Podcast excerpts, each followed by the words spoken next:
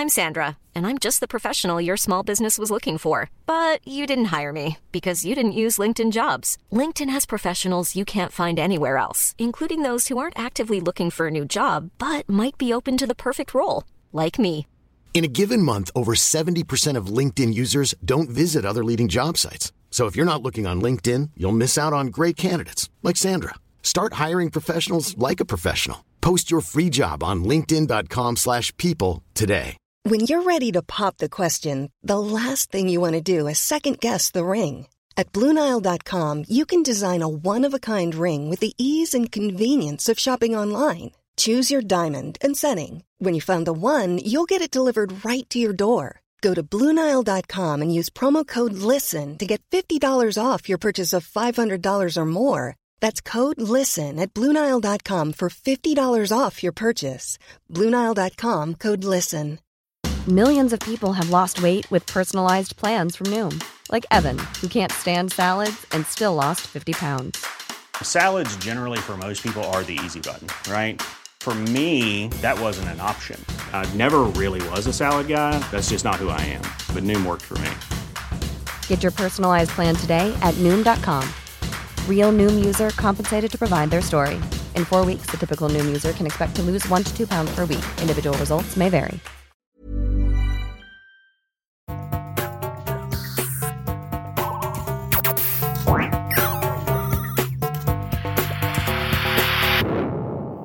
Velkommen til Sinnsyn. Jeg heter Sondre Risom Livre, er psykolog, og dette er Webpsykologens podkast. Hverdagspsykologi for fagfolk og folk flest.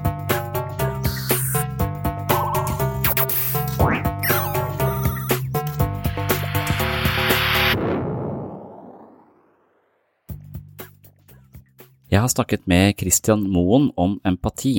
Christian er en usedvanlig hyggelig fyr med sin egen podkast som heter Fysioformidlingen. Som det fremgår av navnet på podkasten, er han fysioterapeut med stor interesse for forholdet mellom kropp og sinn. I forkant av samtalen sendte Christian meg noen stikkord han gjerne ville innom i løpet av samtalen. Hva er empati? Hva er forholdet mellom empati og moral?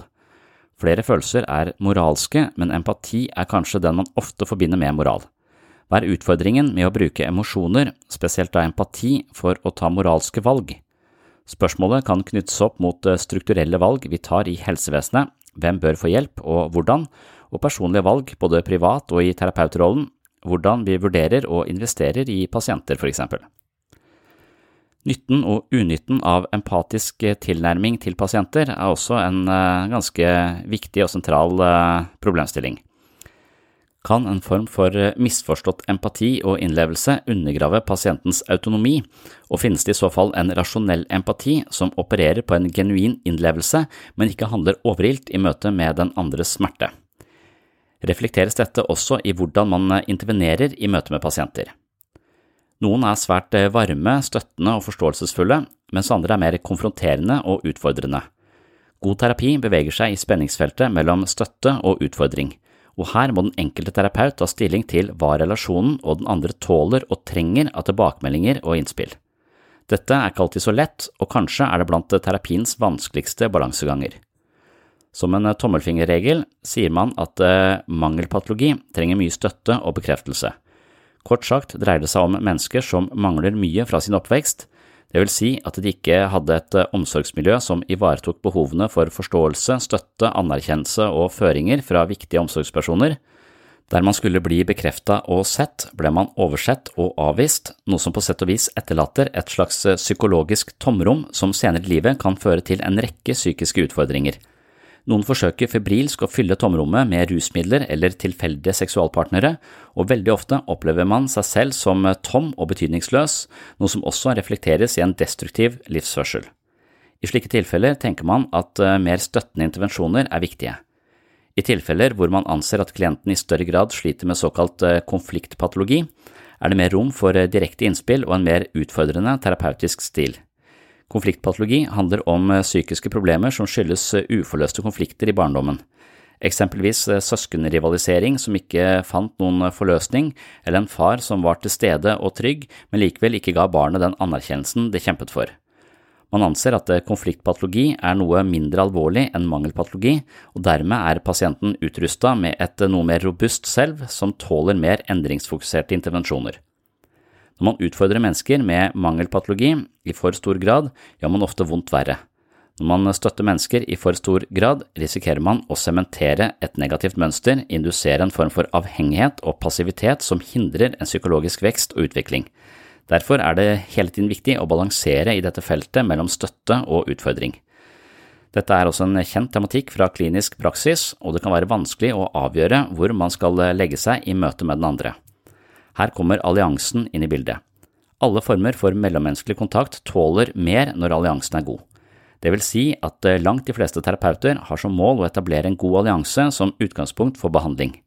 Dette er også tematikk som ikke nødvendigvis er eksklusiv for eh, psykoterapi, men også handler om eh, hvordan man møter sine medmennesker på en best mulig måte. De som er gode på dette, gode til å lage gode allianser, flinke til å tone seg inn, de har muligens mye av det vi kaller empati og innlevelse. I tillegg ville Christian snakke om følelser som motivasjon for handling, er egentlig følelser et godt utgangspunkt for viktige avgjørelser. Det er i alle fall ikke en sannhet uten ganske mange modifikasjoner. Og dette her, empati og følelser, reflekterer vi over i nesten halvannen time. Velkommen til en ny episode av Sinnsyn sammen med fysioterapeut Christian Moen. Og jeg vil la standup-komiker Seth eh, Bison Hirsch eh, kort forklare oss hva empati egentlig er for en størrelse, før vi går i gang.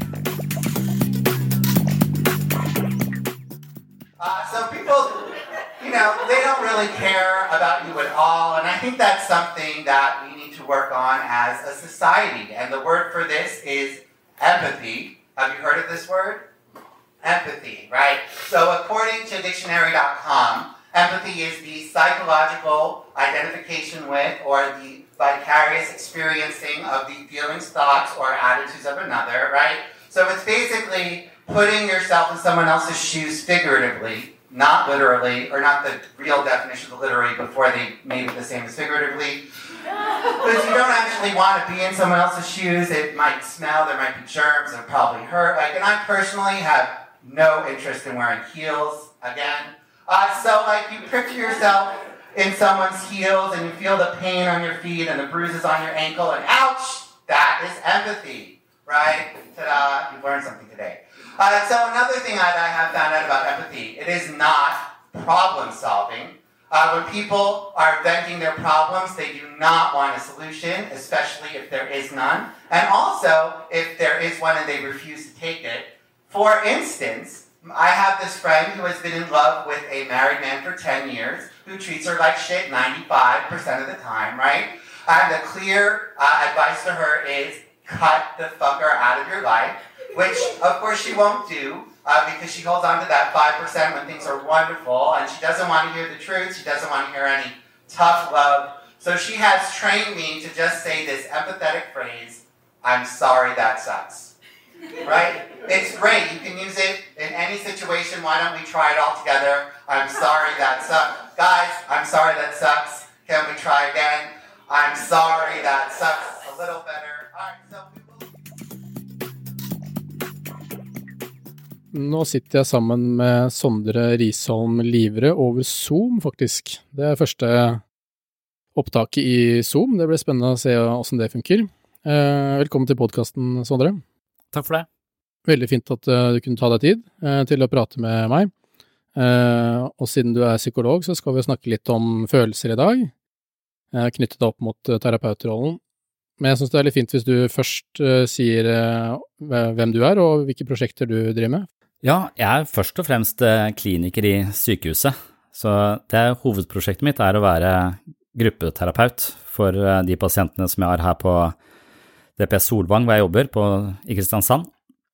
Og så har jeg alltid eh, vært interessert i å formidle psykologi, eller psykologifaget er jo litt sånn teoretisk anlagt, så det å prøve å gjøre det så konkret som mulig, og finne ut av hvilke psykologiske ideer kan vi bruke i hverdagslivet vårt? Det har jeg vært interessert i. Så det å formidle psykologi har også vært viktig for meg i ganske mange år. Så først har jeg skrevet om det, eh, og så har jeg etter hvert også jobbet ganske mye med en podkast hvor jeg snakker om psykisk helse for, eh, for folk flest. Da. denne podkasten som heter Sinnssyn.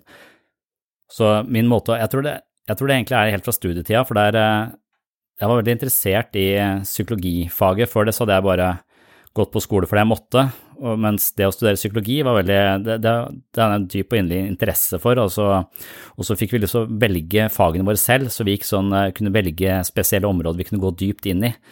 Og det likte jeg, og så skrev vi masse om det. Så jeg leste pensum, og så skrev jeg om pensum, og så forsvarte jeg pensum muntlig. Og det er det samme jeg har fortsatt med resten. Jeg, eller som, jeg ble vel ferdig utdanna i 2005. Det er, ganske, det er, en stund siden nå, da, men etter det så har jeg bare fortsatt å gjøre det samme. Jeg leser om ting, og så skriver jeg om de, og så snakker jeg om de. Når jeg har gjort de tre tinga, så klarer jeg på en måte å bruke de ideene, eh, kanskje i mitt eget liv, kanskje som terapeut.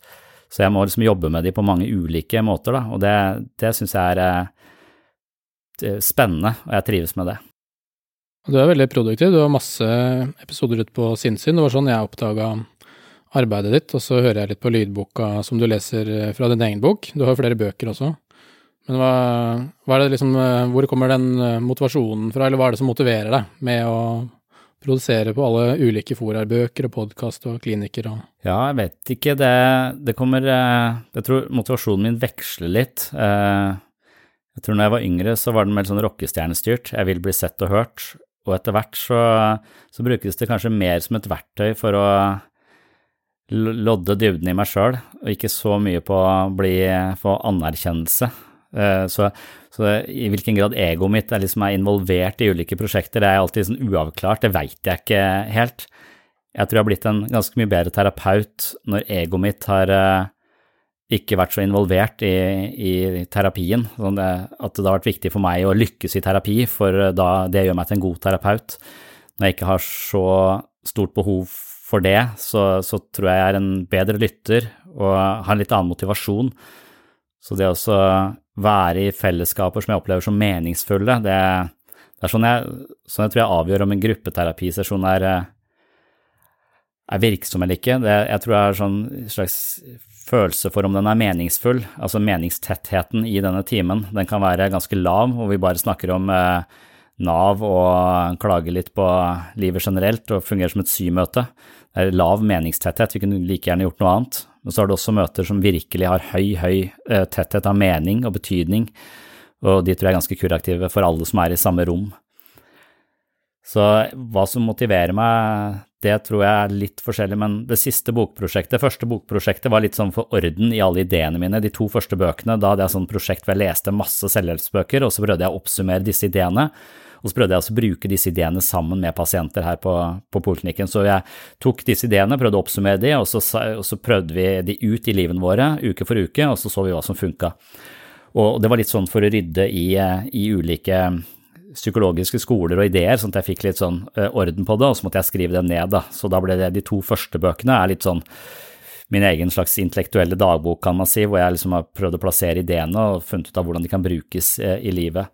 Mens den siste boka, som er Psykologens journal, det var, det var et mye mer personlig prosjekt som, som, jeg tenkte at ikke så mange kom til nødvendigvis å lese, men som var uhyre viktig for meg selv da, å gå inn i eh, og møte de livets store spørsmål som handler mer om meningen med livet, eh, hva skjer når vi dør, hvor jeg finner eh, meningsmotstandere som tenker helt annerledes som meg om livets store spørsmål, da, og da har vært religiøse mennesker eller kristne mennesker fortrinnsvis, mens jeg har vært mer på den ateistiske siden.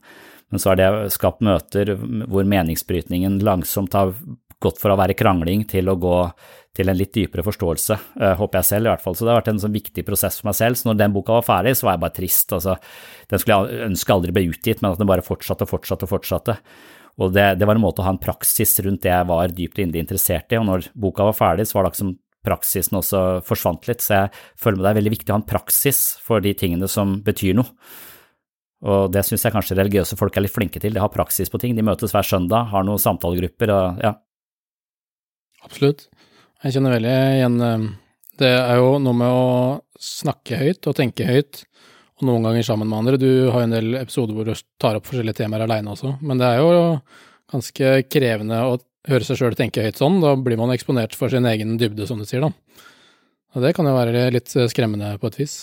Det var interessant det siste prosjektet du fortalte om, det med, med at du har eh, meldt deg inn i en menighet, ikke sant? eh, for å utfordre din egen ateisme. Og da tenkte jeg vi skal snakke om empati i dag, det er liksom følelsen vi skal fokusere på.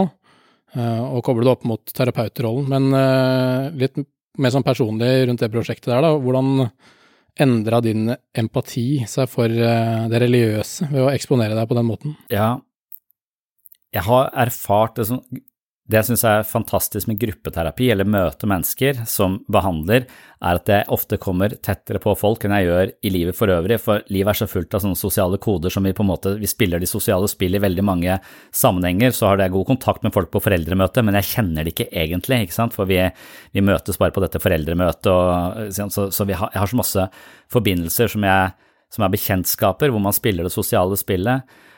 Og da kan man på en måte få masse sånne fantasier om hvem de menneskene er, og hvordan de er, og hva jeg liker og hva jeg ikke liker, osv. Og, og det samme opplever jeg når jeg møter mennesker eh, i gruppeterapi f.eks., men, men de menneskene da f.eks.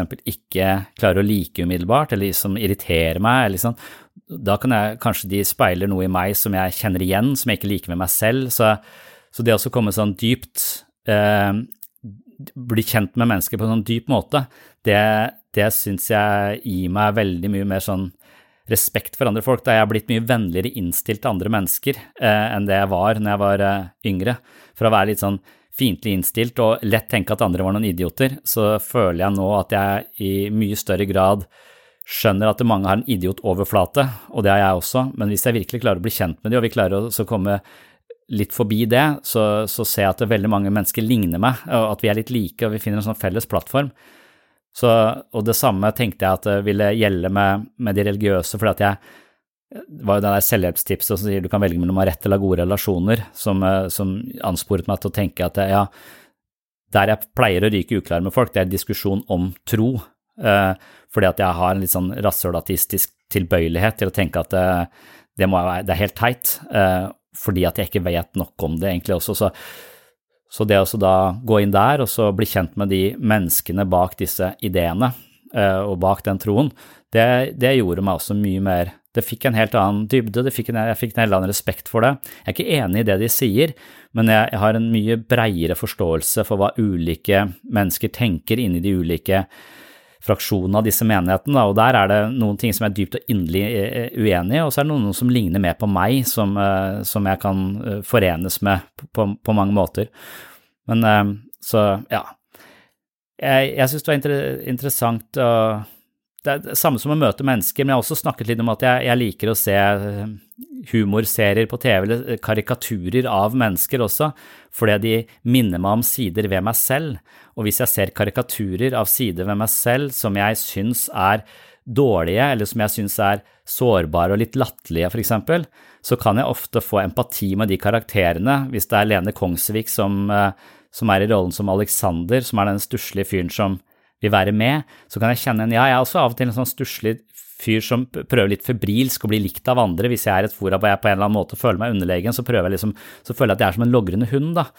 Og, og, og, den siden med meg selv hater jeg jo. Eh, egentlig har jeg ikke noe særlig empati med den siden hos meg selv, men jeg kan få dyp og inderlig empati for Lene Kongsvik når hun er i denne rollen. Og det er akkurat som jeg kan overføre, jeg kan se at jeg er ikke bare sånn, men jeg er litt sånn, og jeg kan ha empati med den delen.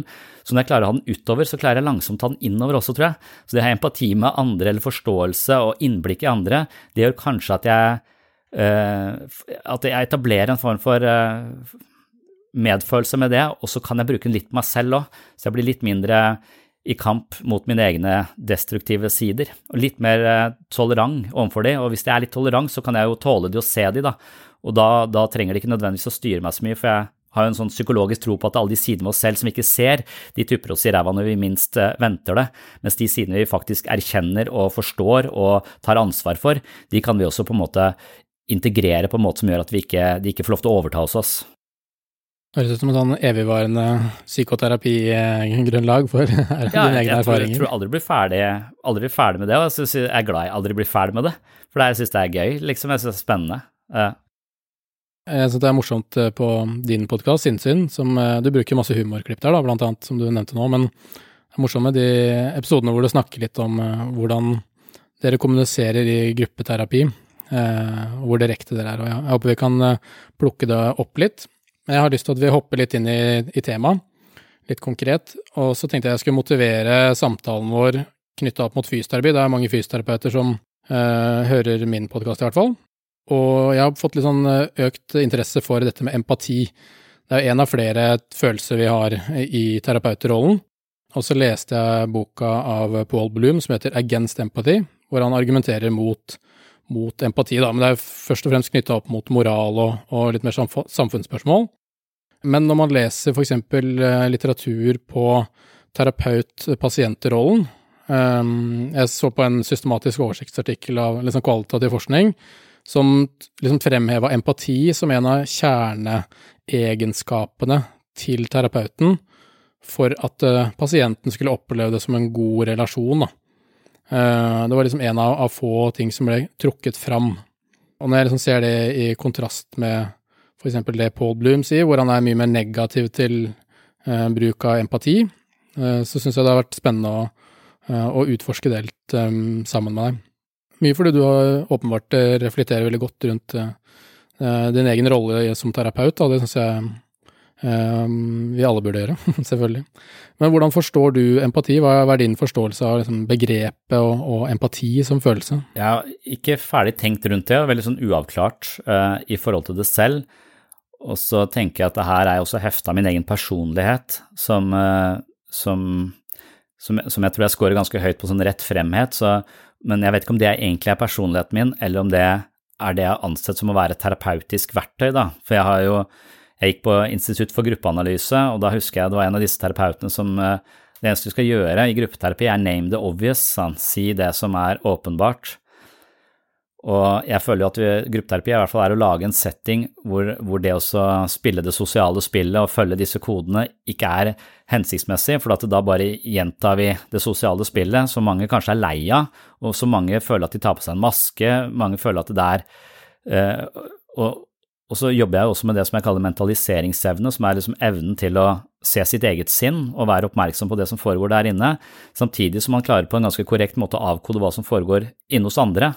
Så dermed så er gruppeterapi en setting hvor vi skal være minst mulig um, umaskerte, vi skal prøve å si det som faller oss inn uten å, uten å pakke det inn så veldig.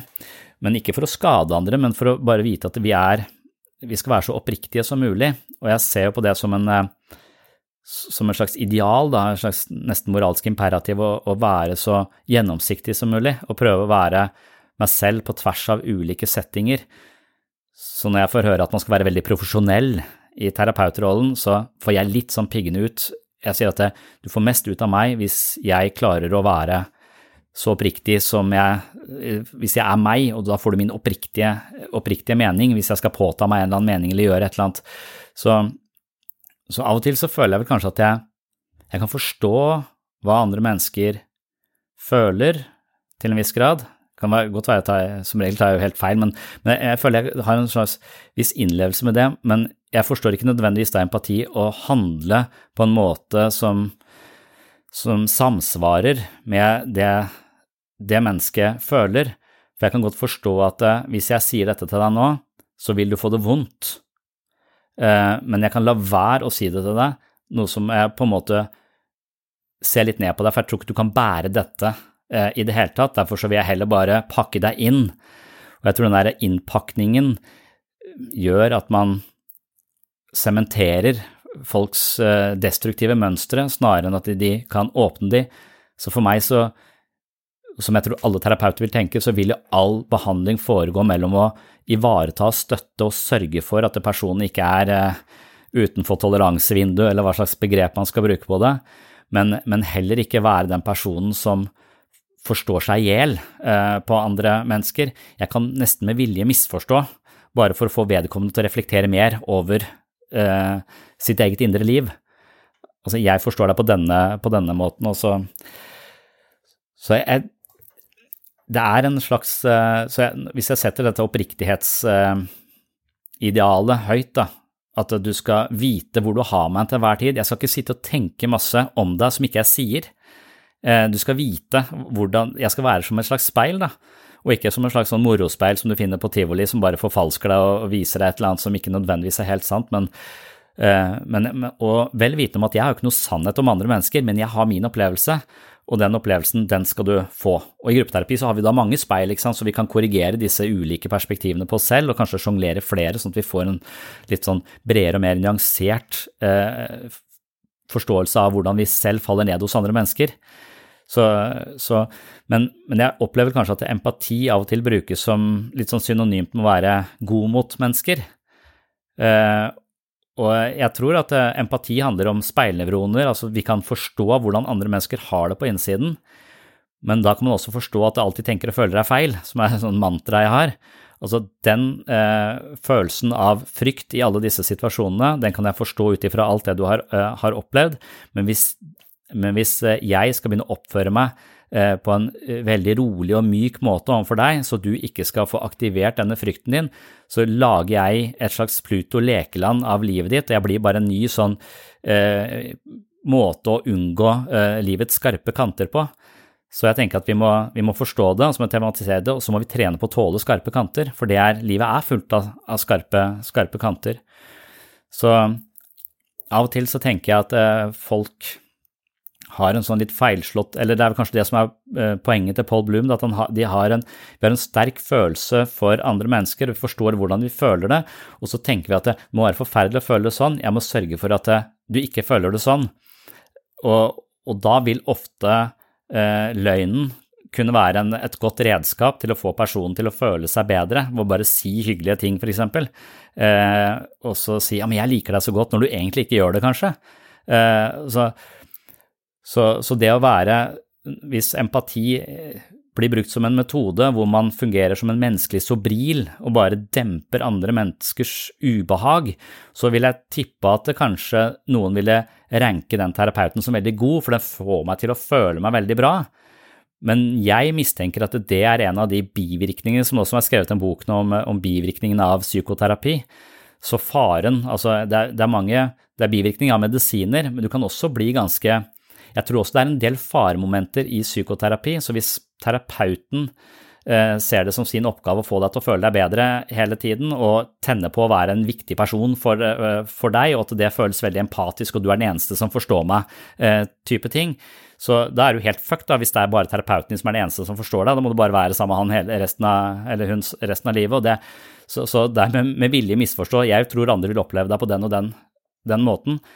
Så, så jeg jeg er redd for at noen ganger så er behandlere anser det som sin oppgave å få andre mennesker til å føle seg bra, men jeg tror det er vår oppgave å også eh, peke på at måten du føler på, det får meg til å trå forsiktig rundt deg, og jeg behandler deg egentlig som om du er veldig sårbar fordi du uttrykker denne sårbarheten du har, mens egentlig så trenger du at jeg bare behandler deg eh, som om jeg ville behandle hvilken som helst annen person. Altså, noen ganger så føler jeg at jeg må se mennesker som bedre enn det de selv føler at de er. For veldig mange som kommer til meg, de føler jo at de er mindreverdige og dårlige. Eh, og hvis jeg eh, på en måte spiller inn på det og trøster og, og bærer, så, så, er jeg redd for at jeg sementerer det. Um, og der ryker jeg liksom litt uklar med sånne med, Både med meg selv og ideen, for spørsmålet er hvis du hvis du har masse vanskelige følelser, så vil veldig mange terapeuter sier at da må følelsene bekreftes, valideres osv. osv. Og, og så fokuserer de så mye på det, men så vet jeg ikke hva de gjør når de er ferdig med å validere. Hva gjør du da? Altså, og jeg er nok litt utålmodig, for jeg gidder ikke all den Eller valideringa føles kanskje som å bekrefte eh, måter å tenke og føle på som nettopp har gitt deg all denne angsten, og det er derfor du sitter her. Så jeg er mye mer opptatt av at Men den måten å tenke på som du har adoptert fra eh, dine engstelige foreldre, og du hele tiden gjentar som et ekko av fortiden din, det, det, er jo noe vi er nødt til å se på og, og, utfordre. Ikke noe jeg nødvendigvis Jeg er redd for å validere det. Jeg er redd for at ved å validere det, så på en måte bekrefter jeg det og lar det være. Mens da vil terapeuter si at ja, men da misforstår du. Du skal først bare bekrefte følelsen, sånn at de liksom tolererer den, og så kan vi begynne å snakke om hvordan vi skal forandre noen. Det er nok en korrekt forståelse av eh, terapi, at man må validere de, validere de følelsene. Men sånn i psykologifaget så har du her denne eh, veldige sånne opposisjonen mellom Kernberg og Kohut, og Kohut er denne ambassadøren for empati som metode, eh, og Kohut, eh, nei, og, og Kørnberg han blir mer sett på som en sånn hardcore psykoanalytiker som er mer opptatt av å konfrontere folks eh, destruktive atferdsmønstre eller måter å tenke på, mens Kurt vil validere og bekrefte det. Så, de. så, de, ligger på hver sin ende av denne skalaen mellom det å ha mer støttende intervensjoner og det mer endringsfokuserte eller mer utfordrende intervensjoner. Og en sånn historie der er når Kørnberg eh, holder et foredrag og beskriver en pasient som er sånn helt hysterisk og har gått helt amok i en begravelse hvor det er søstera som begraves, for hun er sjalu på søstera som får så mye oppmerksomhet når det er hennes begravelse, så hun lager en svær scene eh, i, dette, i, dette, i begravelsen til sin egen søster. Og så er det en sånn emosjonsfokusert terapeut som sitter i, i publikum og så spør ja, men eh, Kørnberg, skal du ikke validere den, denne følelsen denne pasienten har? Og da sier han bare eh, Why would I validate crazy behavior? sier han. Og det, eh, det jeg, forstår, eh, jeg forstår begge Jeg tror begge de to sidene er litt, eh, litt riktig. Hvorfor vil jeg validere crazy behavior? Det, det Litt sånn tenker jeg om barn også. altså Emosjonsfokusert. Du skal bekrefte barnas følelser, skal bekrefte og, og, og forstå. Og, jeg kan godt gjøre det, men hvis ikke det funker, så, eh, så, så syns jeg også av og til at jo mer jeg bekrefter en type sånn eh, destruktiv eh, oppmerksomhetssøken ved å hyle og skrike osv., av og til så tenker jeg at jeg må overse det litt. Og ikke validere det, eller grensesette, si sånn kan du ikke oppføre deg. Så det er hele tiden den balansen mellom, mellom å validere og, og utfordre. Det er flere interessante aspekter du tar opp der, da. Vi snakker jo der om uh, uh, pasientens autonomi, uh, hvor du snakker om å unngå å si ting fordi du er redd for at de er for skjøre, eller du skal være empatisk og, og forståelsesfull. og det er jo liksom kontraindisert for hvem i deres liv er det som skal si noe rett fram, hvis ikke en terapeut skal kunne si det. Jeg tenker hvilke roller vi har i livet vårt også. Du er inne på barn, ikke sant. Noen ganger så, i våre nære relasjoner, så vil jo empati være helt viktig som en sosial um, som sosial kommunikasjon, som god som sosial kommunikasjon.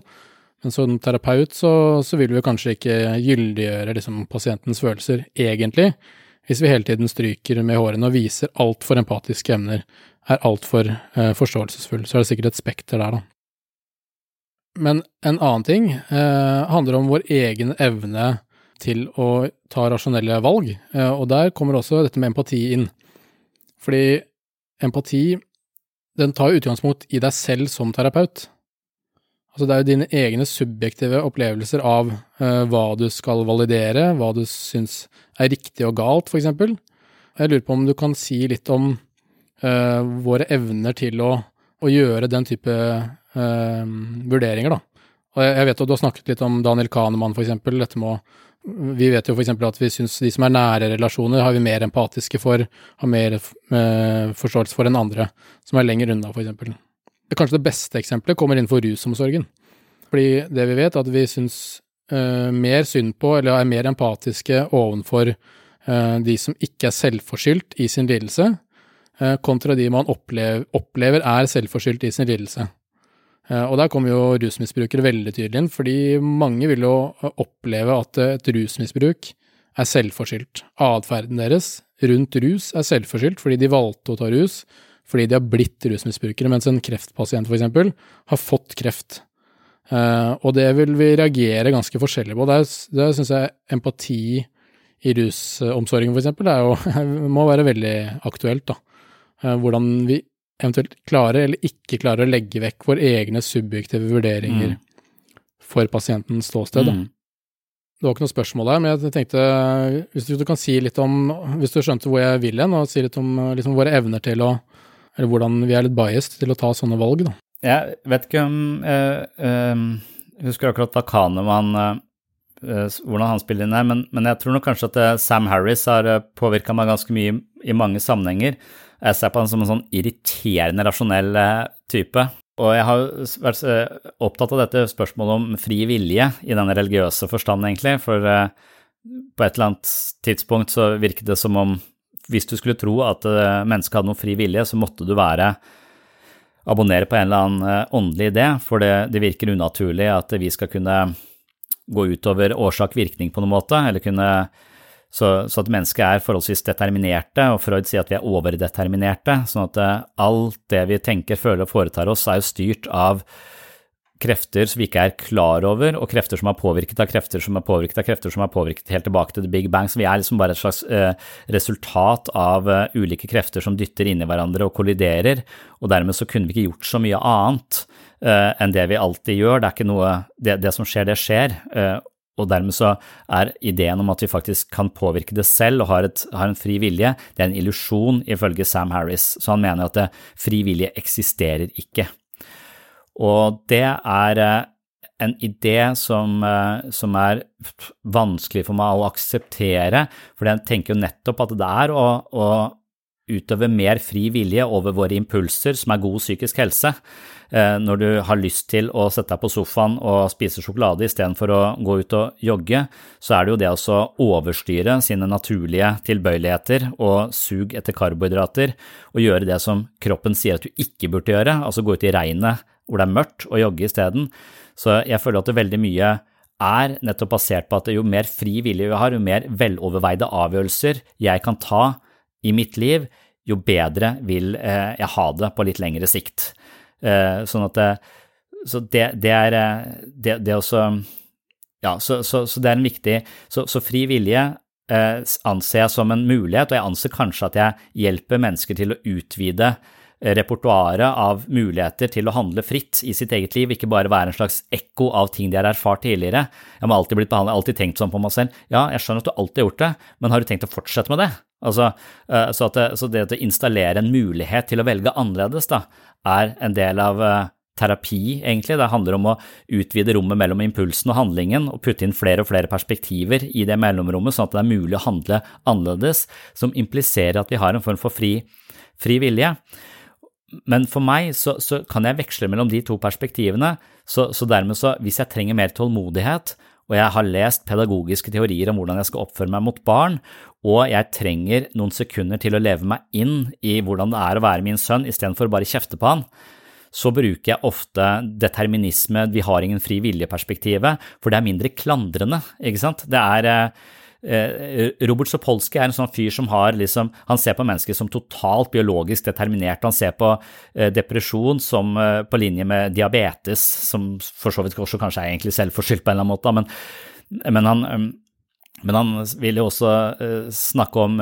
psykopater. Han vil ikke sammenligne som onde mennesker, for det er en veldig sånn verdibedømmelse du gjør et annet menneske, eller rusmisbrukeren. Ja, det er din feil, Eh, du dreit deg ut, eh, og du, ansvarliggjør individet eh, for, handlingene sine, som er litt sånn høyrepolitisk, på en måte. Det er veldig sånn liberalistisk høyrepolitisk også, mens på venstresiden så vil det være mer tilbøyelig til å si at stakkars deg, du er et offer for kapitalisme, og derfor har du havna i rusmisbruk for det hele livet liksom bare så, så, de vil ofte gi samfunnet og omgivelsene mye mer skyld, og frita individet for skyld, og der ligger man på sånn venstre-høyre-akse Eh, akse, nærmest. Så, så, så, men, men, Robert Sopolsky vil si at denne psykopaten, eksempel, det er eh, å betrakte som en bil uten bremser. Og hvis en bil ikke har bremser, så må den på verksted. Og hvis den ikke kan reparere bremsene, så må bilen ikke ut på veien igjen. For da kommer han til å kollidere, han kommer til å være til skade for seg sjøl og andre. Og det er sånn han også vil se på en psykopat. Han vil se på et menneske som nevrokjemisk eh, ubalansert eller eh, mangel, mangler justeringer, og hvis ikke det er mulig å justere det, så kan vi ikke bare ha det ute, ute i verden. Og det er en annen, mener han, mye mer human bedømmelse av et annet menneske enn å se på deg som ond, eller som slem, eller som eh, lat, eller som tiltaksløs.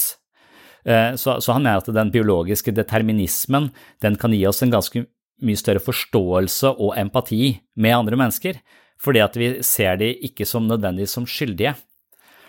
Og her, jeg et, eh, her er jeg et dilemma selv, og dette dilemmaet dukker opp hos meg hele tiden, for at jeg anser meg selv som en person som ligger politisk sett sånn sentrum eh, slash venstre. Eh, det er sånn jeg er vokst opp. det er liksom Identiteten min ligger ut på venstresiden, og ikke, i hvert fall ikke på høyresiden. Men som behandler så opplever jeg at uh, veldig mange uh, ikke makter å ta ansvar for sin eget uh, liv, og ofte lager seg sånne spill hvor de spiller på grunn av det, på grunn av det, på grunn av alt det som har skjedd med meg, så har jeg havna her. og, det også bekrefte ja, det er synd på deg, forferdelig, det er ikke rart at du har det, ikke sant. Det, bare, det, det er akkurat som å bare legge seg ned i grøfta sammen med, med pasienten og tenke at ja, er, her er vi, det er helt umulig, det er ikke rart at vi har havna her i denne grøfta her, sånn. Og, og, og, det er der denne Jeg mener at sånn Paul Bloom kanskje foreslår en form for rasjonell empati. Jeg kan forstå at det er ikke din skyld at du har havna her. Alt det som har skjedd med deg, det er ikke din skyld. Eh, et mer sånn venstresideperspektiv, at du begynte å ruse deg, det er også et resultat av eh, eh, mangel på omsorg, eh, for, for, mye mobbing på skolen. Ingen, du, du, hadde ikke optimale vekstvilkår, og dermed så måtte du begynne å medisinere deg sjøl på en eller annen måte, så jeg kan godt forstå det. Eh, men så må jeg over på høyresida for å endre det. Eller jeg føler at det, Men du er ansvarlig for å leve annerledes nå. Eh, eh, og jeg kan godt forstå hvorfor du har det sånn, men det er fortsatt ditt ansvar å gjøre noe med det. Og med en gang jeg sier det er ditt ansvar å gjøre noe med det, så føler folk seg klandret. Ja, men det er ikke min skyld. Nei, det er ikke din skyld, men det er ditt ansvar.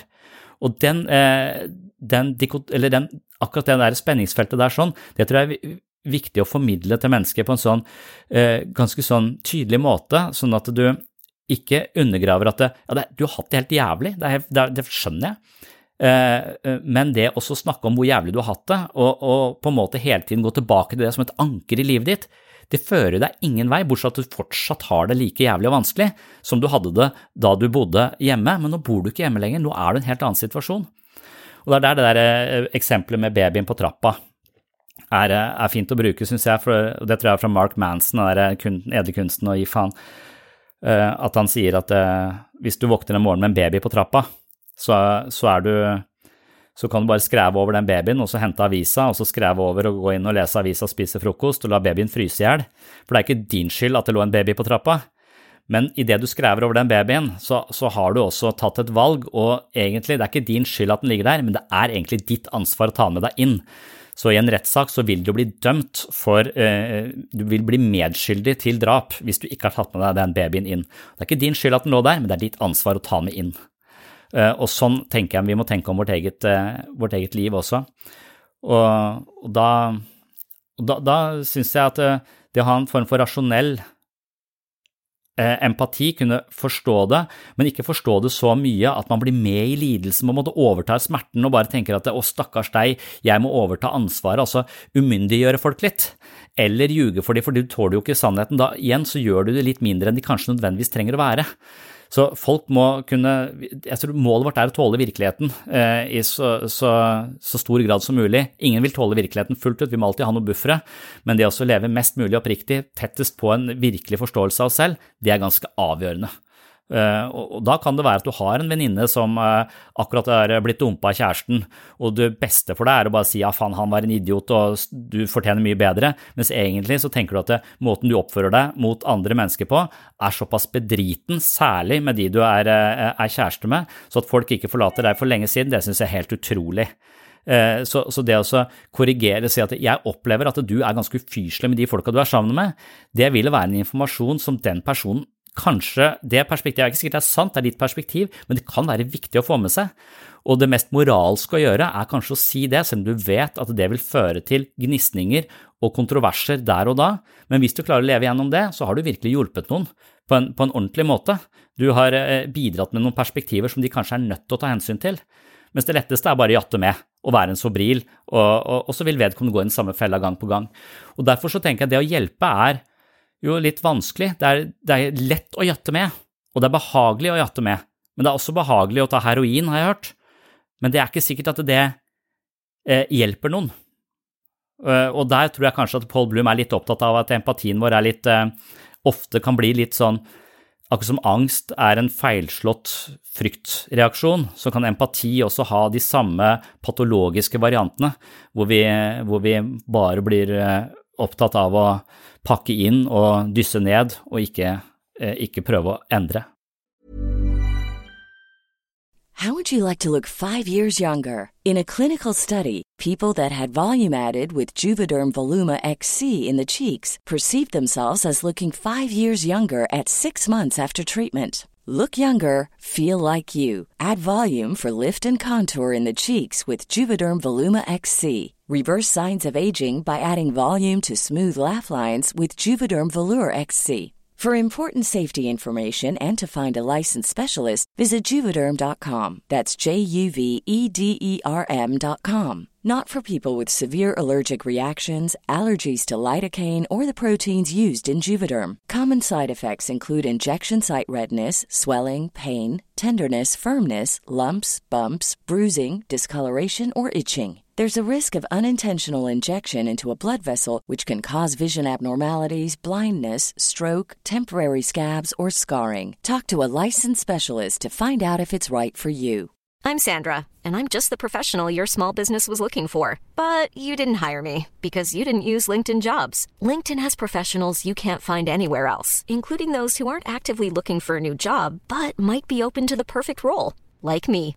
In a given month, over 70% of LinkedIn users don't visit other leading job sites. So if you're not looking on LinkedIn, you'll miss out on great candidates like Sandra. Start hiring professionals like a professional. Post your free job on linkedin.com/people today.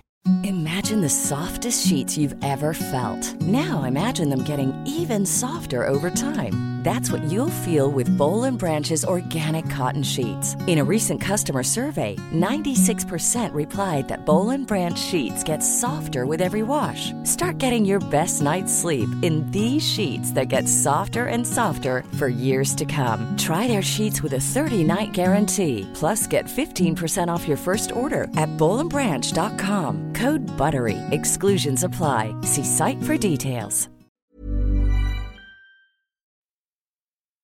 Jeg syns det er spesielt viktig det, det med å ta pasientens autonomi på, på alvor, og faktisk eh, si at de betyr noe, gjennom den sånn tydelige kommunikasjonen. Da. Jeg kan ta en, eh, en analogi som jeg syns er, er liksom noen sånne bilder fra eh, når jeg jobba på Ahus, blant annet, som er veldig sånn tydelig. Jeg har en situasjon som jeg syns var fantastisk. Da hadde jeg skulle hjelpe en gammel dame som hadde hatt et hjerteinfarkt. Uh, og jeg var inne i rommet der sammen med døtrene hennes, og så var det denne damen, pasienten. Uh, og så hadde jeg fått beskjed i forkant at hun gjør bare øvelser når du er der. Så fort du går ut rommet, så nekter hun å reise seg fra stolen, hun nekter å gjøre noen ting. Hun sitter mo platt i den stolen hele tiden. Uh, og det var tydelig at det hadde kirurgen som hadde operert henne også fått med seg, så han kom inn i rommet mens jeg prøvde å motivere henne litt her. Og så spurte han pent om han kunne snakke med henne, og så satte han seg ned.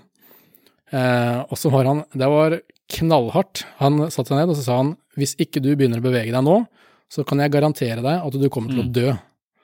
Og så hjalp det litt at han var tysk i tillegg, så han hadde litt sånn tysk aksent. Så det var skik skikkelig svung over den beskjeden.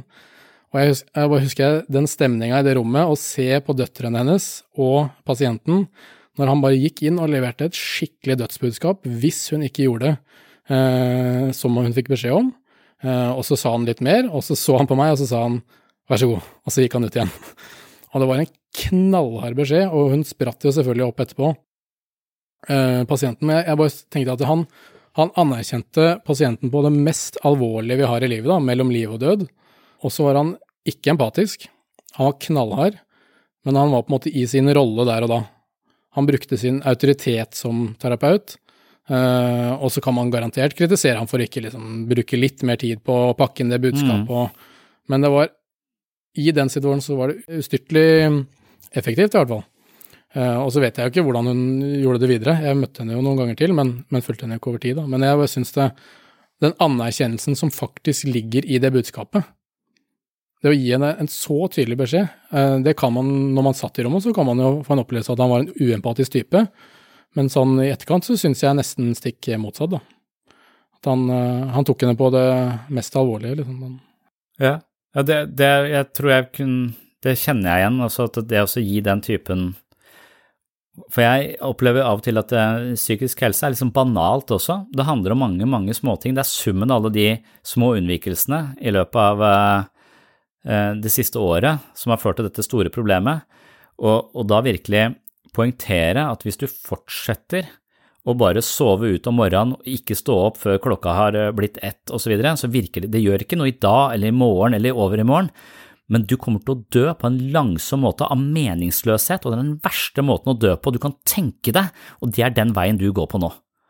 Uh, og det å virkelig, virkelig banke det inn, og, og, og, gjøre det så tydelig som du kan få blitt, for det er så lett å, å bare overse og ja, ja, men det gikk jo bra. Sånn, det, er, det, det, å være så tydelig, det, det, føler jeg egentlig er veldig respektfullt, og, og det er også en slags eh, tegn på at jeg har troa på det. Altså, jeg sier dette, Hvis jeg trodde at du aldri hadde klart det, så hadde jeg ikke giddet å sagt det, kanskje, eller sånn, men jeg mener at det, her har du informasjon du må ta hensyn til, hvis ikke så går det deg virkelig eh, ille. Og jeg vil formidle det på den tydeligste måten jeg klarer, fordi at jeg bryr meg om det. Det, det vil jo være det motsatte. Sånn, Venninna som også da fortsetter å oppføre seg sånn som hun gjør med, med kjærester, eller vennen din som, som gjør det, eller, eller hvem det måtte være vedkommende vil jo bare gå på den samme smellen gang på gang på gang på gang. Og da, derfor så er det jo det, det er det som er Sam Harris sitt poeng. altså Hver gang du lyver for folk, eller bare sier det du tror de vil høre for å være forsiktig og, og sensitiv, så ser du også du, du ser også ned på de, altså du devaluerer egentlig det andre mennesket. Uh, og han mener jo også at de menneskene vi lyver til, de vil vi for å, for å på en måte legitimere vår egen løgn, så vil vi se på de som Eh, vi vil, vi vil, gi de litt mindre verdi som person, vi vil, eh, for, for det det, da kan vi på en måte legitimere det at vi ikke har snakket helt sant. Da. Så, så med en gang vi vurderer at et annet menneske ikke tåler vår oppriktige tilbakemelding, som er ikke og som vi skal hele tiden vise hvor kommer den tilbakemeldingen fra. Er det fordi jeg er irritert på deg, handler det om meg, handler det om at jeg er misunnelig på deg? Det kommer jo kommer fra masse mørke kroker i en sjøl, men hvis en virkelig føler at det, jeg bryr meg om deg, og jeg tror du har et potensial, men du ser det ikke selv, nå skal jeg faen meg fortelle deg uh, uh, hva du må gjøre for å utnytte det potensialet jeg kan se, uh, se, hos deg. Hvis du kommer fra et sånt sted, så føler jeg det er det absolutt mest moralske og empatiske du kan gjøre. Altså, jeg tror av og til man også må sjokke folk litt ut av den der narrativen de har om sin egen sykdomshistorie eller smertetilstand eller hva det skal være. At man, at man er nødt til å av og til være den biljardkula som kommer inn fra høyre og gir en kraftig støt eh, mot venstre, sånn at de kommer ut av eh, den banen de nå har svevd i eh, ganske lenge. Og sånn, når han sier det, så føler jeg kanskje han er en sånn biljardkule eh, som tar sats, hopper inn og dytter vedkommende ut av et, eh, et mønster som hadde ført bare én vei. Og det kan han si fordi han er lege, du er fysioterapeut, du vet hvilken vei dette går, det er det, som, det er det vi har lært på skolen. Hvordan det er å tenke på den måten, hvordan det er å hele tiden oppføre seg på den måten, unngå uh, smerten ved å hele tiden sitte rolig og bli større og større og bare få mer og mer uh, sånn at Du ødelegger kroppen din. Og det å formidle den kunnskapen på en så tydelig måte som vi kan, det må jo være det mest Det er vel det vi skal. Uh, men da er det ikke sikkert vi blir populære jeg tenker at det, det også det er også livsstilsendringer, da, enten det er fysiske eller om det er psykiske. De to tingene henger ofte uh, veldig tett sammen. Så, så, vil det jo ikke være forbundet med et, et, velbehag umiddelbart. Det vil jo være blodslit og vanskelig og, og, og smertefullt. Og det leverer den beskjeden om at du er nødt til å leve på Eller er det er ikke, folk føler ikke sånn veldig nødvendigvis eh, befrielse. Eh, så, så, så, hvis jeg hadde vært massør, så kan det være at jeg hadde tenkt at jeg skulle tilføre folk en form for velbehag. Når jeg skal på, til Kragerø til helgen, så forventer jeg ikke å jeg forventer Når jeg betaler for en time massasje der, så forventer jeg at det skal være noe jeg liker. Jeg gjør ikke det for at jeg skal men hvis jeg går til en personlig trener, så forventer jeg at jeg kommer til å ha blodsmak i munnen eh, og eh, tanker om eh, å, å stryke med. At det vil være, vil være, det jeg forventer der sånn, og jeg tror kanskje den forventningen om, om empati og forståelse hos, hos behandlere ligger litt sånn latent hos mange mennesker, og hvis de møter en mer hardtslående tilbakemelding som er mer ærlig, og som egentlig tar de på alvor, så vil det kanskje være noe annet enn det de forventa eller håpa på. Eh, og så kan det være at det selve, For mange så er jo selve unnvikelsen av smerten problemet. Jeg tror Psykisk lidelse er jo ofte ikke at vi har voldsomme, eh, smertefulle følelser, men det er fordi vi har prøvd å unngå smerte i lang, lang tid. Det er alle de følelsene vi ikke orker å møte, men prøver å leve på flukt fra, som kronifiserer denne smertetilstanden. Og det å få da beskjed om at du skal stoppe opp, møte dette her, uh, og på en måte konfrontere monsteret, istedenfor bare prøve å stikke av hele tiden, som, som er tematikken i andre skrekkfilmer også. Det å være den personen som gjør det, den, det, det er jo ikke jeg, jeg, tror man vil føle at man er tatt på alvor på et eller annet tidspunkt, men jeg tror også man vil føle at det, du er faen meg en drittsekk, eh, du vil meg bare vondt. Jeg tror lett man kan få den, eh, og hvis man får den projiseringa hvor man virkelig føler at jeg, men jeg gjør dette for ditt eget beste, så tror jeg det er som man skal sortere, for man kan lett komme da til å føle seg som en, som en slem person, eller som en dårlig person, eller som en dårlig behandler. Uh, og, at det er svært ubehagelig å være den som skal peke folk inn i skrekkens hus når de har brukt hele livet sitt på å unngå å møte disse monstrene, men de da hele tiden skremmer de. I fysioterapien så er det en spesiell utfordring eh, der, for vi har jo noen midler og metoder som kan være litt sånn f.eks. smertelettende ganske spontant, mange vil oppleve det.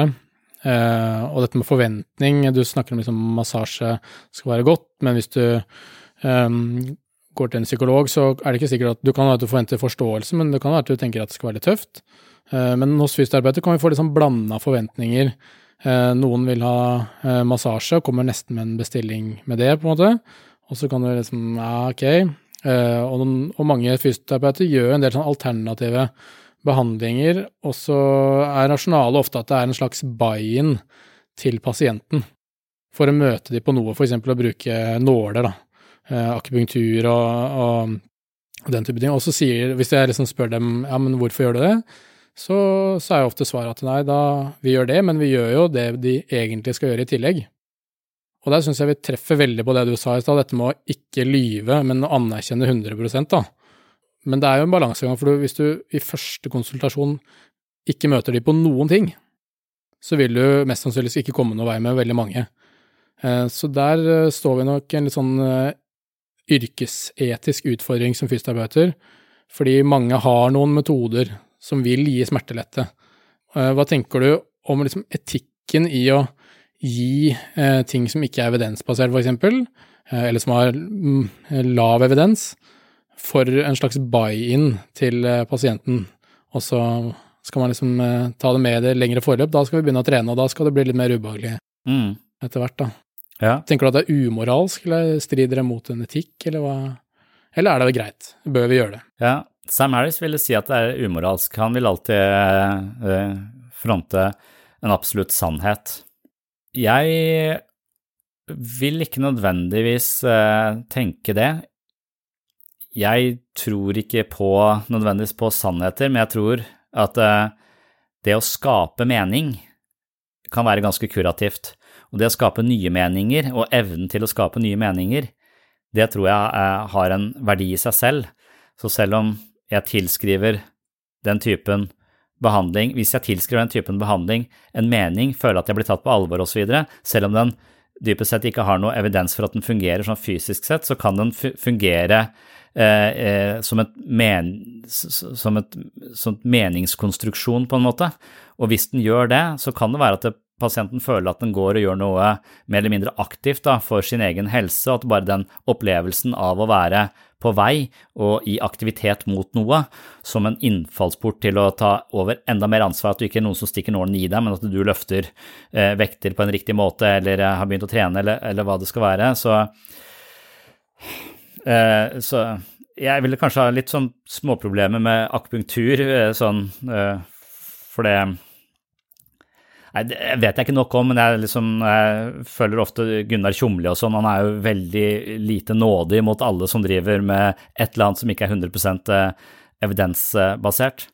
Men uh, Jeg er veldig sterk motstander av akupunktur sjøl, jeg. Men jeg syns utfordringa kommer litt i det du sier med å, å være den biljardkula, den som skal stritte litt imot. For veldig mange Pasienten kommer inn med et narrativ, en forståelse av egne problemer og så møter man dem empatisk med tiltak, uh, og berøring er jo veldig sterkt. Det er et veldig kraftfullt, uh, kraftfullt i terapi.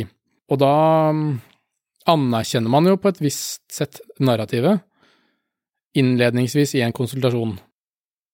Så er spørsmålet om, man, om det er greit, og, det er jo ikke noe sånn en, Det er jo ikke ett svar på det, det skjønner jeg òg, men jeg syns det er utfordrende, for det, man, har jo som, eh, Hvis man skal jobbe evidensbasert, så har man lyst til å ikke møte det i det hele tatt og si beklager, dette er ikke det du trenger. Eh, men da kan du nok eh, slite litt med en del pasienter å få de med deg.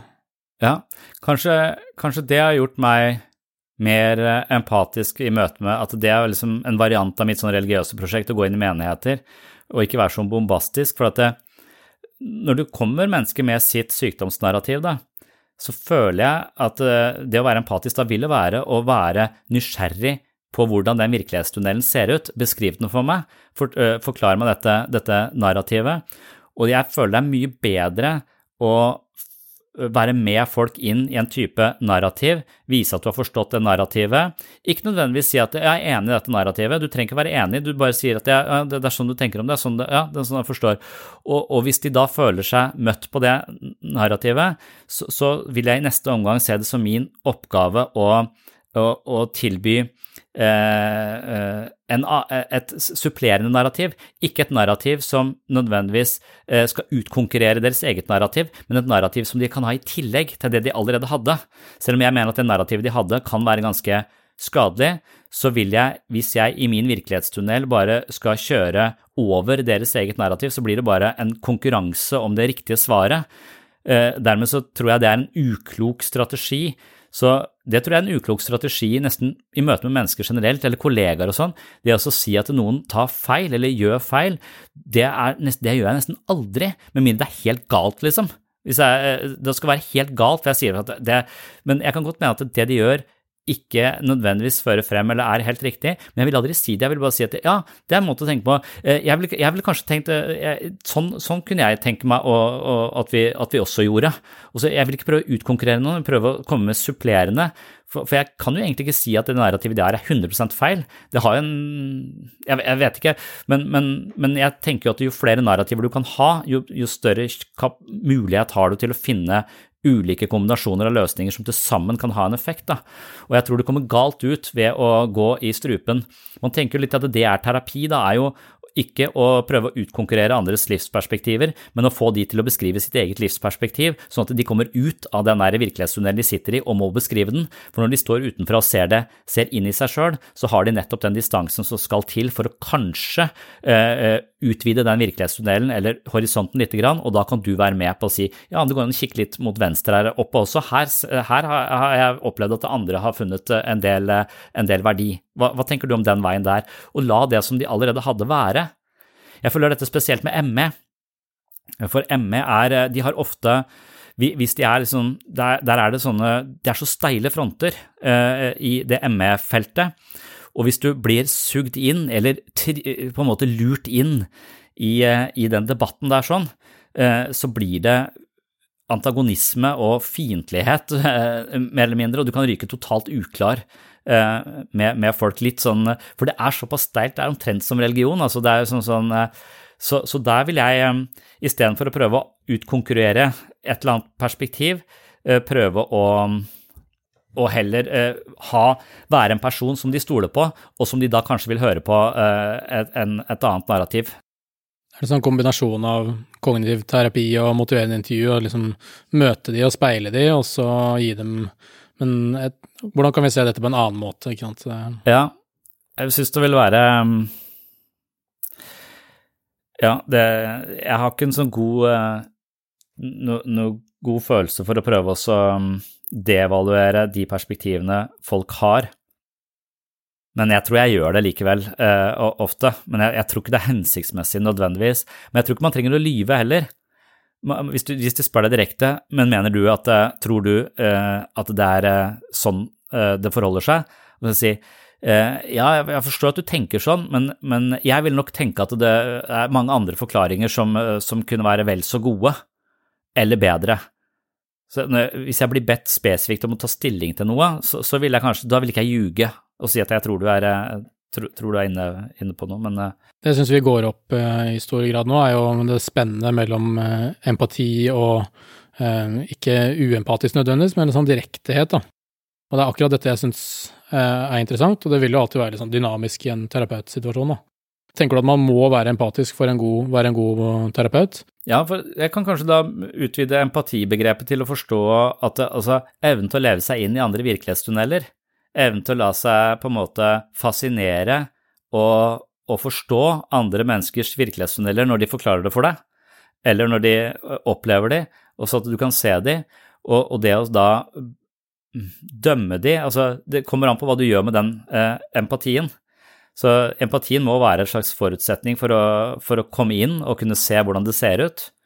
Eh, og så må du kanskje kunne eh, etablere en slags eh, forståelse av hvorfor de har kommet til å tenke akkurat sånn. Eh, og, så kan du være en, en person som, som, da bidrar med noen uh, supplerende uh, verktøy, og lar det som allerede er der, ligge. For jeg, for jeg, føler at det er sånn som nyateistene, for eksempel, altså de, de, de, oppnår ingenting annet enn krangling.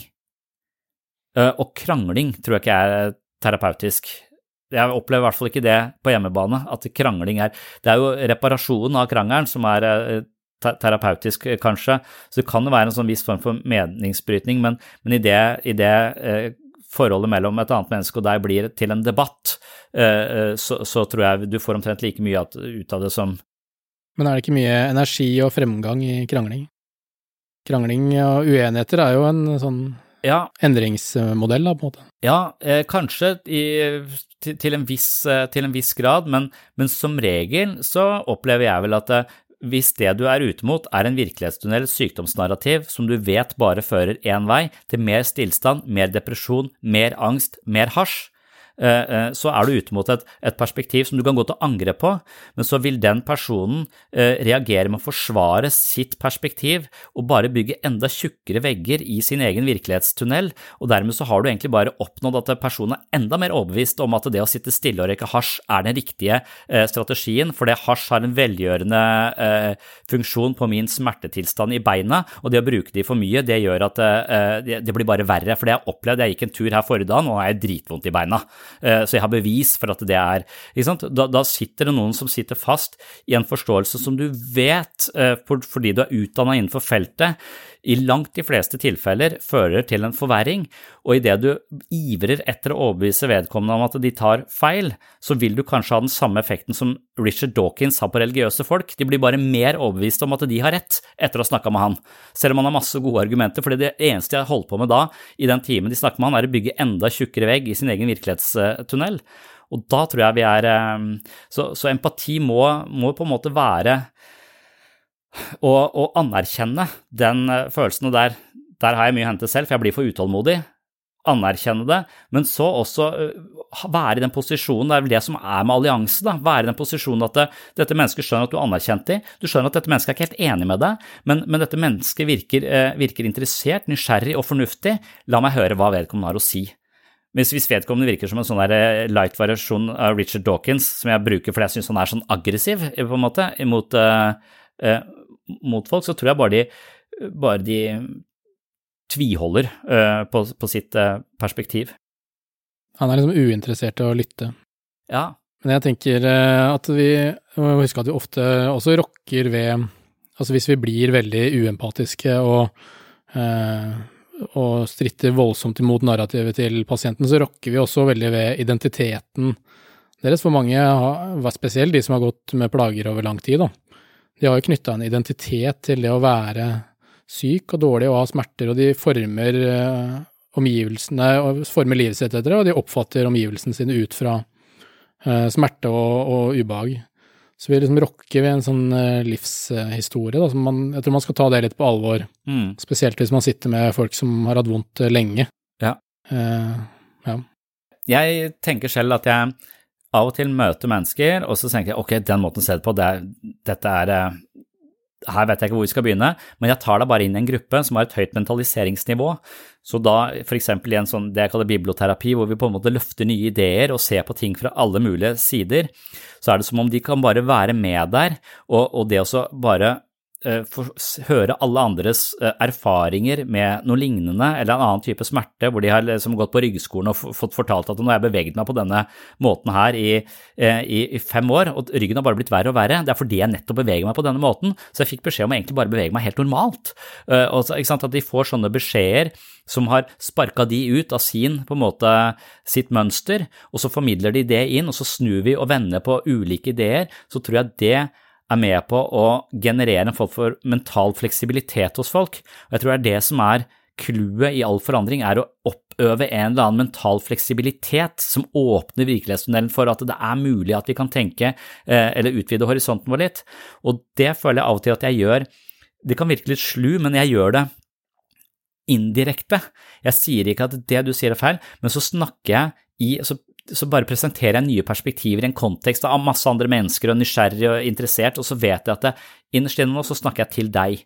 Uh, og jeg snakker til deg, uh, men, men, ikke, men, jeg presenterer ikke dette som en motpol til, ditt, uh, til, ditt, til, din virkelighetsforståelse, jeg presenterer bare dette som en annen virkelighetsforståelse, og så og av og til da så tar de den og så gjør de det til sin egen, og så kan de senere fortelle meg jeg har så begynt å tenke på det på denne måten, og så hører jeg at det, hm, det er dette vi snakket om for to uker siden, hvor, uh, hvor han andre eh, i gruppeterapi sa akkurat det, og nå har du adoptert det, det har blitt din forståelse, for du har ikke blitt pressa på den, men du har henta den inn i din virkelighetstunnel, og da er du virkelig, nå eier du dette her, du har tatt det sjøl, du har valgt det, du har ikke blitt pressa på det av noen andre, men du har valgt det, og nå eier du det, og nå kan du bruke det. Gratulerer. Da sier man ikke 'det var det jeg sa', det var jo det vi sa.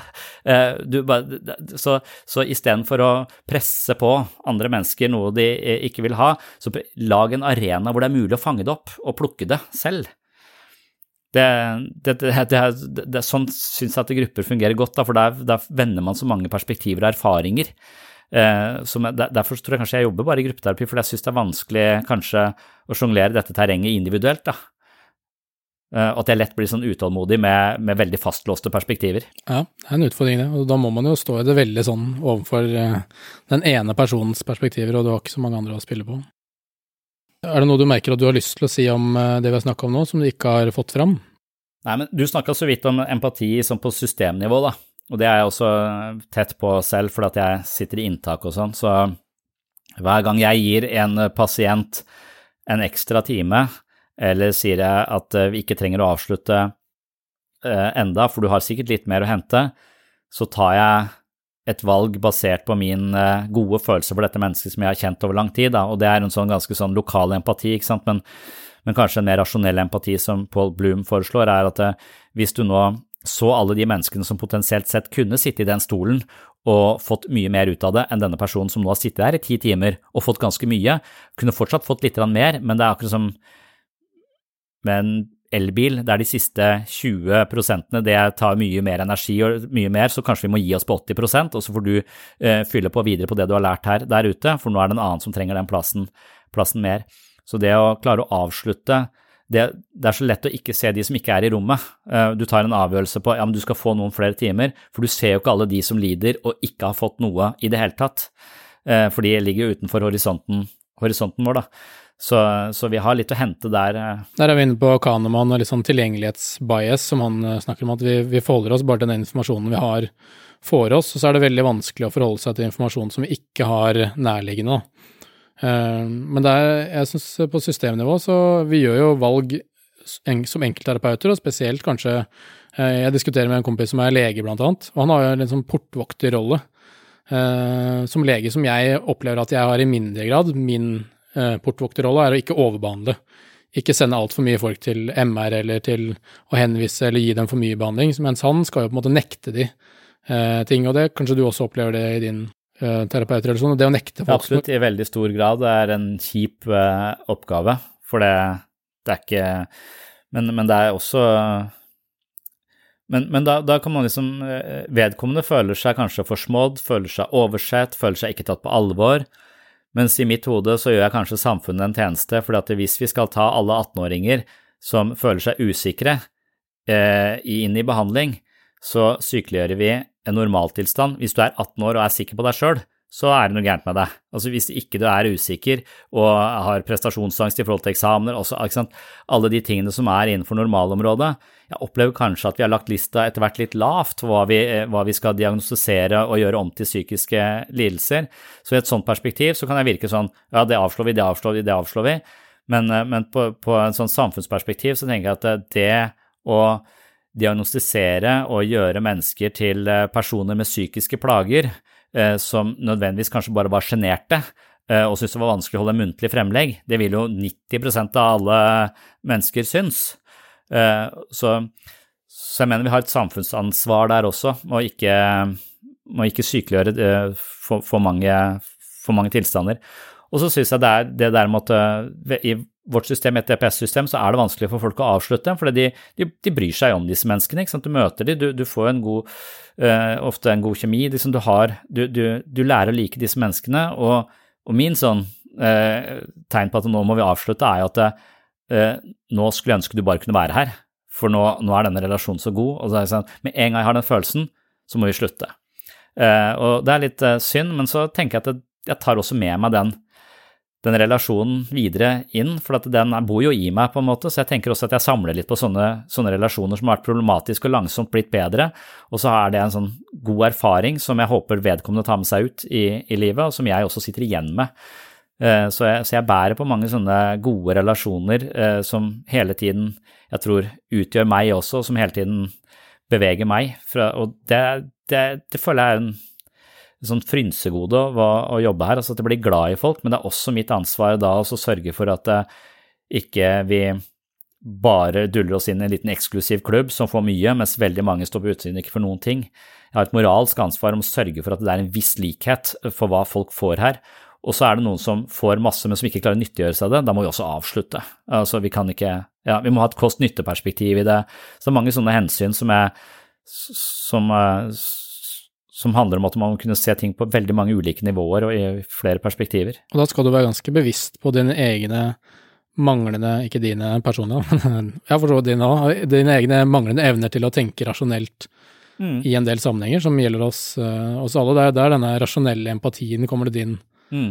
som, uh, som, vi må ha med oss. For hvis vi blir for empatiske i, i, i et systemperspektiv spesielt, da, hvor helsesystemet skal ta valg over hvem som ikke får og hvem som skal få, så uh, vil det nok uh, være motstridende til, til uh, hensikten. Mm. Ref at rusmisbrukere ser, blir sett veldig ned på, fordi man oppfatter dem som slitsomme vanskelige og, og selvforskyldte i stor grad, mens andre vil få mer hjelp og, og, lettere hjelp.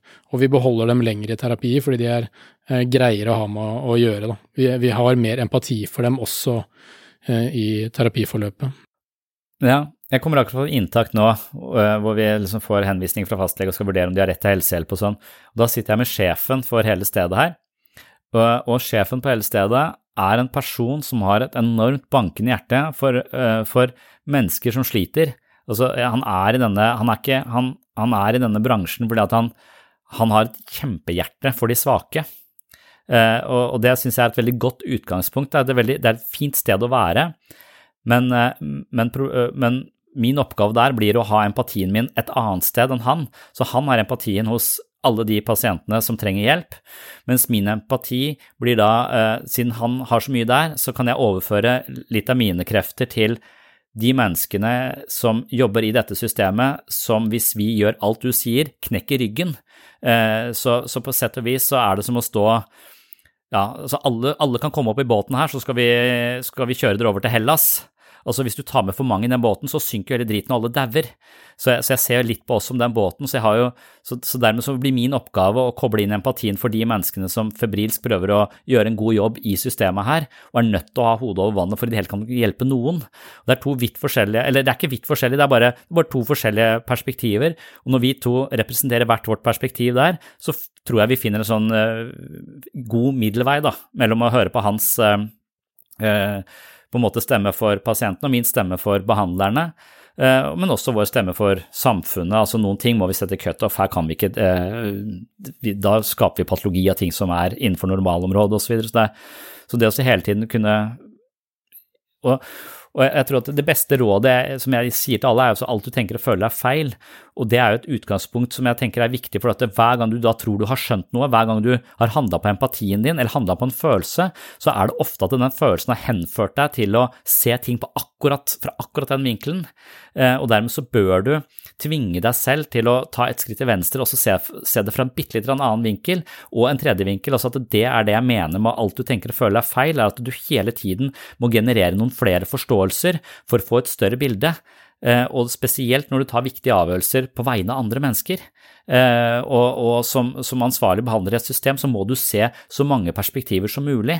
Eh, og hvis du da bare har en genuin følelse for at dette mennesket trenger meg, og vi liker hverandre, og, og og det er det du argumenterer for, så tar du også et valg på veldig mange andre menneskers vegne som du ikke kjenner. Og det, det, da må man liksom Og det er der den rasjonelle empatien kommer inn, da. Eh, den, den, rasjonelle empatien er jo egentlig bare refleksjonsevne. Det handler om å ikke handle umiddelbart på den følelsen du har, men å tvile på den følelsen, eller i hvert fall supplere den med en hel haug med andre innspill, sånn at du, du, har et større grunnlag å ta en avgjørelse på. Uh, og det, det, der er jo følelser på den måten de blender oss litt. Uh, at, de, at, de, gir oss kanskje det å bli følelsesmessig veldig påvirka, det å like en person veldig godt, eller at jeg møter et menneske her som jeg syns er litt artig at det liker meg, for jeg syns personen er veldig kul. Det, det, er noe som, kan, som, som, som man må legge merke til som sånne typiske feil vi gjør, da, eller typiske dette vil, dette vil, styre mine avgjørelser, dette vil styre hva jeg sier. Nå, er ikke jeg en, nå har ikke en rasjonell form for, terapi, eh, for, empati, og jeg vurderer ikke denne saken eh, på en, på en objektiv måte. Jeg, jeg, vil alltid være subjektiv, men jo flere tankefeil jeg kan hacke og forstå hos meg selv, jo større sjanse er det for at jeg nærmer meg en mer objektiv vurdering. Da. Det er vel det man mener med en form for rasjonell empati. Jeg hørte på et intervju av Daniel Kahneman sjøl hvor han ble spurt om uh, Han har jo forska så mye på kognitive bias og vår manglende evne til å ta rasjonelle valg. Og så fikk han spørsmålet ja, men hva gjør du selv for å motvirke dette, og så sa, sa han bare at det klarer jeg ikke. Det er ingen som klarer det. Uh, jeg har ikke mulighet til å, å, gjøre noe med det, jeg må bare prøve å være så bevisst som jeg klarer uh, i mitt eget sinn. Da vil jeg kanskje være litt uenig. Altså, jeg tenker at det er litt som vektløfting. Altså, øh, og han sier at målet er å løfte 300 kilo i benk. Og det er det nesten ingen som klarer, jeg vet ikke hva rekorden er, men, men, men, du kan hele tiden løfte litt mer, litt mer, litt mer, og jeg tror nettopp det handler om å hacke seg selv, og jo flere, jo flere tankefeil du er klar over, jo større sjanse er det for at du kan korrigere for det, og det er det jeg mener kanskje er fri vilje, at vi kan transcendere disse tankefeilene ved å gjøre det ubevisste bevisst, da, for disse tankefeilene de påvirker oss ubevisst, men idet vi bevisstgjør de, så har vi også muligheten til å endre de. Så, så bare det at vi ser på pene mennesker som eh, bedre foreldre, eh, vi tilskriver pene mennesker eh, flere attraktive egenskaper som de ikke nødvendigvis har, det kalles glorieffekten, mens det motsatte med horneffekten, hvor vi tilskriver mennesker som ikke er så symmetriske, en hel haug med negative egenskaper, så, så, så vil vi ved å kjenne til de to begrepene kanskje kunne bruke det som eh, som eh, sånne små markører når vi skal ta vurderinger. La oss si jeg sitter på kontoret med et menneske som er veldig vakkert. Er det lettere for meg da å ta avgjørelser som går i eh, personens favør? Eh, og, og, kanskje ikke nødvendigvis er i persons favør, men som opprettholder en avhengighetsmønster hvor vedkommende slipper å ta ansvar for eget liv, for jeg ønsker å være en person som, som eh, virker avhjelpende på denne lidelsen på en eller annen måte, så at, jeg, så at jeg hele tiden må Så hvis jeg kan kjenne til de, hvis jeg, hvis jeg, kan gjøre det ubevisste bevisst, og ha, ha, sånne kunnskap om kognitive biaser som et slags redskap eh, i mitt eget liv i ulike situasjoner, så tror jeg det kan korrigere for noen. At vi kan liksom eh, Vi kan aldri helt korrigere for det, men vi kan bli bedre og bedre, akkurat som vi kan bli bedre og bedre på vektløfting. Synes det er en veldig god sammenligning med eh, mindfulness-trening, hvor man eh, i sitt daglige virke går rundt i en sånn tankekjør som man ikke er bevisst, hvor den ene tanken tar den andre, men hvis man trener litt mindfulness over tid, så blir man plutselig innimellom, også i hverdagssituasjoner, litt sånn oi, der var det en rar tanke, og så blir du bevisst på tanken i seg selv, eh, men så kommer du til å gå tilbake igjen til å ha et uh, tankekjør som du ikke alltid har kontroll over, og som, hvor den ene tanken tar den andre igjen, og så plutselig så blir du bevisst igjen. Men jo mer du trener, jo oftere kan du kanskje merke deg at uh, følelsene dine og tankene dine ikke er uh, fakta, da, at det er tanker som kommer automatisk. Litt sånn samme med disse kognitive biasene. Så hvis du er bevisst på dem, så kanskje du kan merke deg dem når de kommer opp i en situasjon som du har tenkt over fra før av. Jeg tror det er en mulighet, og jeg tror vi i hvert fall må tro at det er en eh, mulighet. For det er jo litt det som er behandling også innenfor psykoterapi, er jo nettopp også bevisstgjøre folk en type mønster, en måte å tenke på, sånn at de kan gjøre seg selv til gjenstand, på en måte. De kan gjøre seg selv til gjenstand for en analyse, og, da er det ikke lenger seg selv, de er den som analyserer seg selv. Og det er nettopp i den posisjonen du kan få et større perspektiv og oppdage nettopp disse, disse tingene som ligger i skyggen av bevisstheten din. Og det er det som er mental trening, sånn jeg ser det, og hele tiden gå flere runder på det. Og da må du liksom ta som utgangspunkt at alt du tenker og føler er feil, eller bare litt riktig. Hvis du har det som utgangspunkt, så vil du ha en mye mer ydmyk holdning, eh, og, dermed så, vil du, tror jeg også kanskje bli mer empatisk, men ikke på en sånn ettergivende, eh, sobrilaktig måte, men, men, en, eh, men at du kan etablere mer nysgjerrighet for, eh, for den andre, at istedenfor å fordømme det. Jeg tror jeg fikk det fra veilederen min. Han, han var så nysgjerrig på alle Hver gang det kom et nytt menneske inn, så var han sånn Å, det er spennende, et nytt menneske, dette må jeg, deg må jeg bli kjent med. Og den, den holdningen bare tenkte jeg, den, det er den holdningen som gjør at du aldri blir utbrent. Mens du kan også tenke åh, en ny borderline, åh, en ny sånn der drama, og, ikke sant. Du, du, kan, du kan tenke en ny belastning for meg i min arbeidshverdag, eller du kan tenke faen, et nytt menneske som fungerer ganske ustabilt, det er spennende, jeg må undersøke hvordan denne, denne dynamikken er. To, eh, så, så, hvis du tror du forstår noe, åh, bare les, hvis jeg leser en henvisning på noen og lager meg et bilde av hvem dette mennesket er, kan jeg grue meg til å møte vedkommende, og det stemmer aldri overens med den fantasien jeg har, eh, har laget, eller den eh, så, så jeg har kanskje grua meg i forkant eller et eller annet som er helt unødvendig. Så, så jeg, jeg, tror hvis vi tenker alt du tenker og føler er feil, så kan du ikke stole på dine egne konklusjoner, og da vil du også kunne møte ting med en større grad av åpenhet og nysgjerrighet og innlevelse, tror jeg. Og det er en god form for, uh, for uh, empati. Jeg tror vi har toucha innom veldig mange fine emner rundt empati og liksom terapeut-pasientrollen. Jeg syns det har vært veldig spennende å snakke med deg, i hvert fall. Ja, det, det har vært veldig gøy. Og det er tematikk som jeg personlig i hvert fall brenner litt for, og som jeg merker kverner veldig mye når jeg sitter med pasienter og etter jeg har hatt pasienter. og Uh, litt sånn selvrefleksjon er alltid artig, mm. og givende, ikke minst. Så jeg har lyst til å takke deg for uh, samtalen, det var veldig fint. Ja, i like måte. Så Ja, det var det vi fant ut om empati, og hvordan denne egenskapen ved mennesket kan sette oss inn i den andres sko og forstå den andre fra innsiden en god egenskap, men eh, av og til så må vi bruke den med litt eh, fint følelse.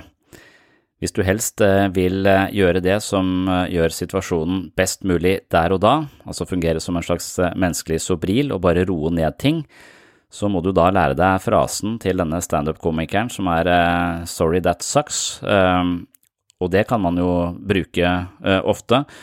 Og jeg vil avslutte dagens episode med noen eksempler fra Seth Bison Hers, hvor han viser oss eh, hvordan denne empatiske teknikken kan fungere i praksis.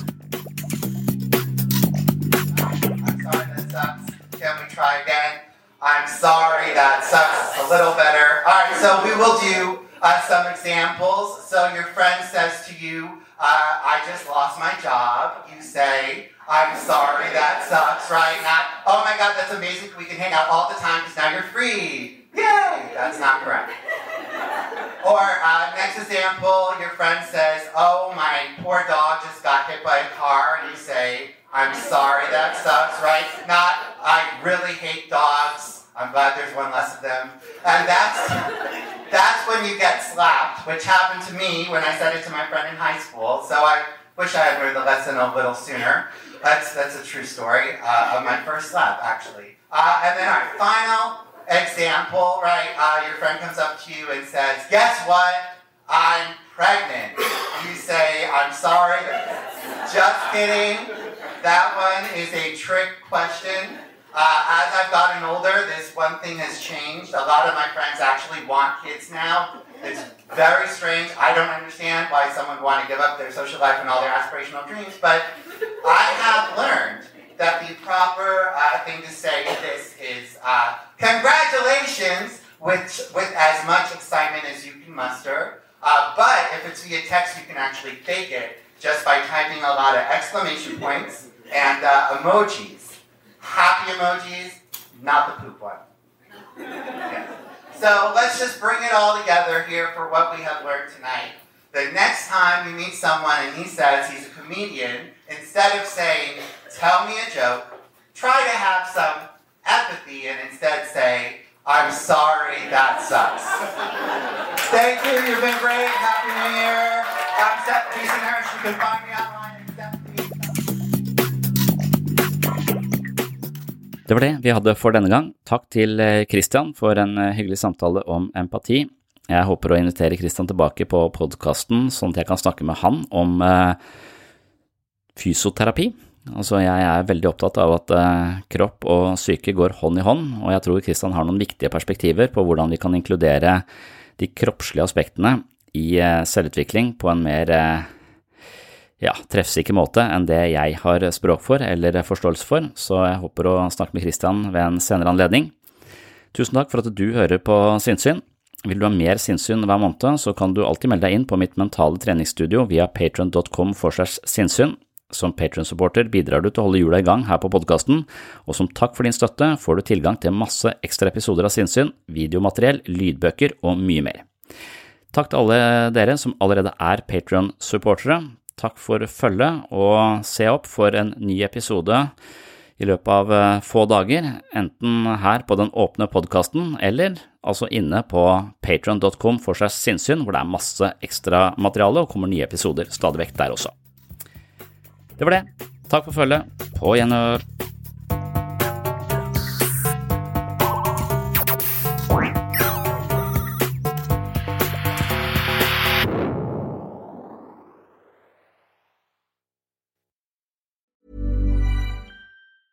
Mom deserves the best, and there's no better place to shop for Mother's Day than Whole Foods Market. They're your destination for unbeatable savings, from premium gifts to show-stopping flowers and irresistible desserts. Start by saving 33% with Prime on all body care and candles. Then get a 15-stem bunch of tulips for just $9.99 each with Prime. Round out Mom's menu with festive rosé, irresistible berry chantilly cake, and more special treats. Come celebrate Mother's Day at Whole Foods Market. Planning for your next trip? Elevate your travel style with Quince. Quince has all the jet setting essentials you'll want for your next getaway, like European linen, premium luggage options, buttery soft Italian leather bags, and so much more. And it's all priced at 50 to 80% less than similar brands. Plus, Quince only works with factories that use safe and ethical manufacturing practices. Pack your bags with high-quality essentials you'll be wearing for vacations to come with Quince. Go to quince.com slash trip for free shipping and 365-day returns.